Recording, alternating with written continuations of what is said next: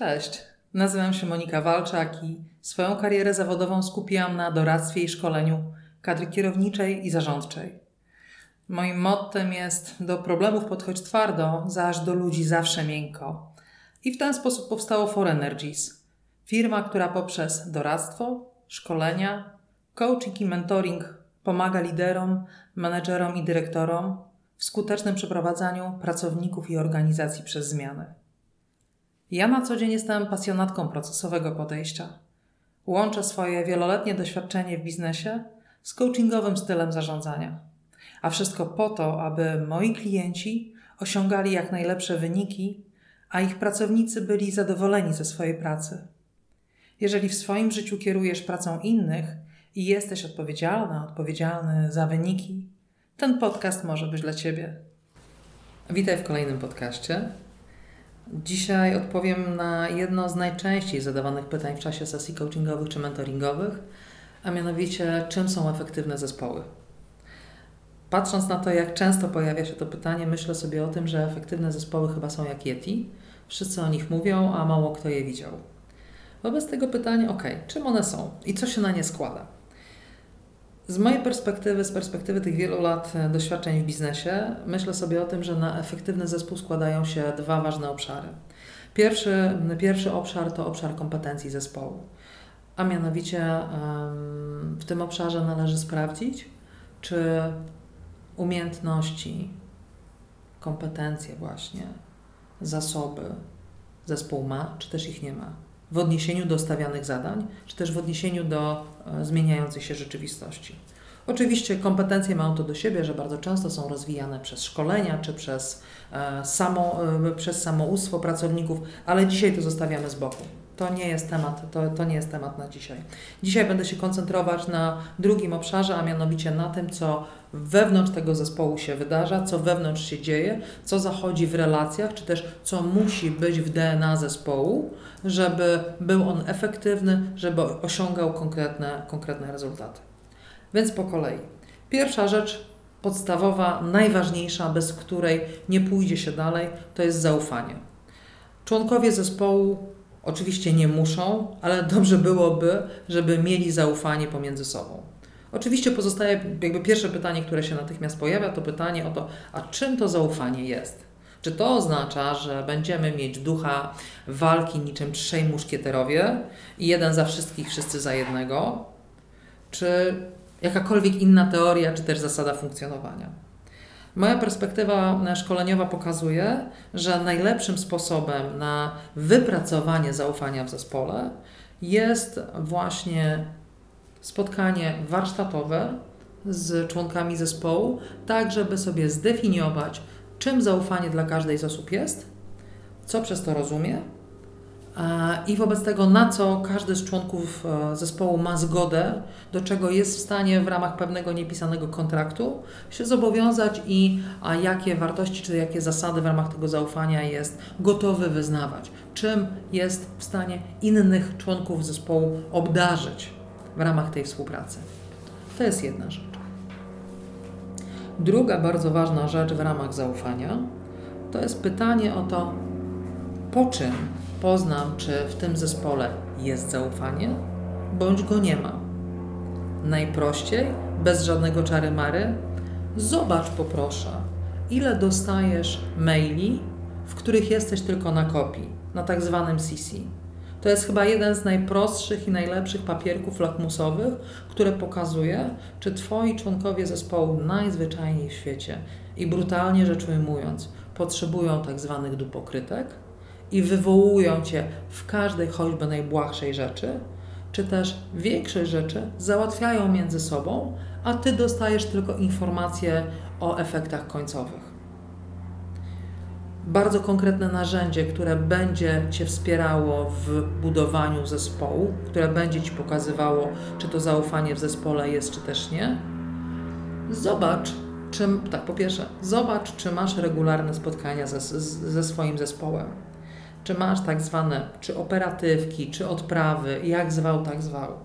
Jeżeli masz te regularne spotkania z zespołem, to będziesz widział, co się wydarza. Czy właśnie w czasie tych spotkań opowiadane są wszystkie detale, wszystkie szczegóły i de facto decyzje należą do Ciebie, czy też Twoje spotkanie trwa 15 minut i Twój zespół mówi ciach, ciach, ciach, ciach, ciach, mamy takie, takie efekty, mamy takie i takie problemy, mamy takie i takie rezultaty, mamy i takie, takie i takie rozwiązania. Razem wypracowaliśmy, czy też w teamie z tą i z tą osobą wypracowaliśmy nad tym i na tym.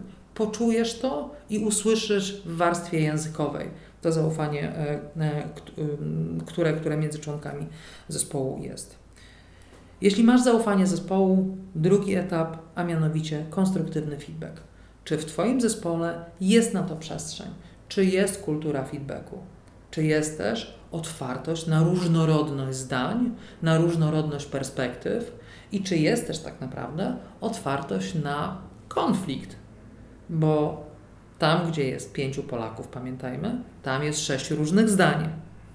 Tam, gdzie są trzy rozwiązania, tam jest osiem negacji. I to jest to wszystko, co powoduje, że zespół ma swoją energię, żyje i konflikt w takiej sytuacji jest absolutnie nieuchronny. Po czym poznać, po czym poznać wobec tego, czy, ten, e, czy ta przestrzeń na konstruktywny feedback jest? Po czym poznać, czy jest otwartość na konflikt? No więc wrócę do tych spotkań. Jeżeli masz regularne spotkania ze swoim zespołem, to posłuchaj, jakim językiem Twój zespół mówi. Co tam się pojawia w odniesieniu do innych współpracowników? Jaki poziom emocji w tym języku buzuje? Na ile de facto to, o czym mówią członkowie Twojego zespołu, jest oceną sytuacji, a na ile oceną drugiego człowieka? Na ile argumenty są merytoryczne, a na ile one są personalne? Tam, gdzie będziesz mieć wszystkie oceny mówiące o tym, że to on zawalił, ona tego nie zrobiła, a to przez nią czy przez niego, gdyby ona to zrobiła, to byłoby tak i owak, mamy do czynienia z oceną personalną i to oznacza, że prawdopodobnie w Twoim zespole po pierwsze konflikt jest, często ukryty, no i bardzo prawdopodobne, że feedback pewnie też jest, ale bardzo daleko jest mu od bycia konstruktywnym. Trzeci element, który będzie mówił, czy też który będzie się składał na efektywność, na efektywność zespołu, to jest zaangażowanie. No i piękne słowo, obracane też milion razy e, w odniesieniu do poszczególnych członków zespołu, do samych zespołów, de facto do, każdego, do każdej osoby pracującej w firmie, oczekujemy zaangażowania. No i pytanie, po czym znowu je poznać? Co jest charakterystyczne dla zespołów zaangażowanych? Bardzo prosto też to jest zmierzyć, bardzo prosto jest to zaobserwować, szanowny menedżerze. Zobacz mianowicie, jak Twoi pracownicy, jaką mają gotowość do podejmowania się nowych zadań. Jaką mają na to otwartość? Czy wtedy, kiedy zlecasz nowe zadania, albo wchodzisz, siadasz i mówisz: Słuchajcie, dzieje się to i to, przed nami takie i takie wyzwania, co wy na to? To czy słyszysz niemy jęk rozpaczy i wszystkie oczy chowają się właśnie na podłogę, niczym w szkole, pod tytułem, pod tytułem byleby on na mnie nie spojrzał, czy ona na mnie nie spojrzała i nie przydzieliła mi tego zadania, czy też widzisz po prostu wielką ciekawość i mówisz, wow, będzie się działo.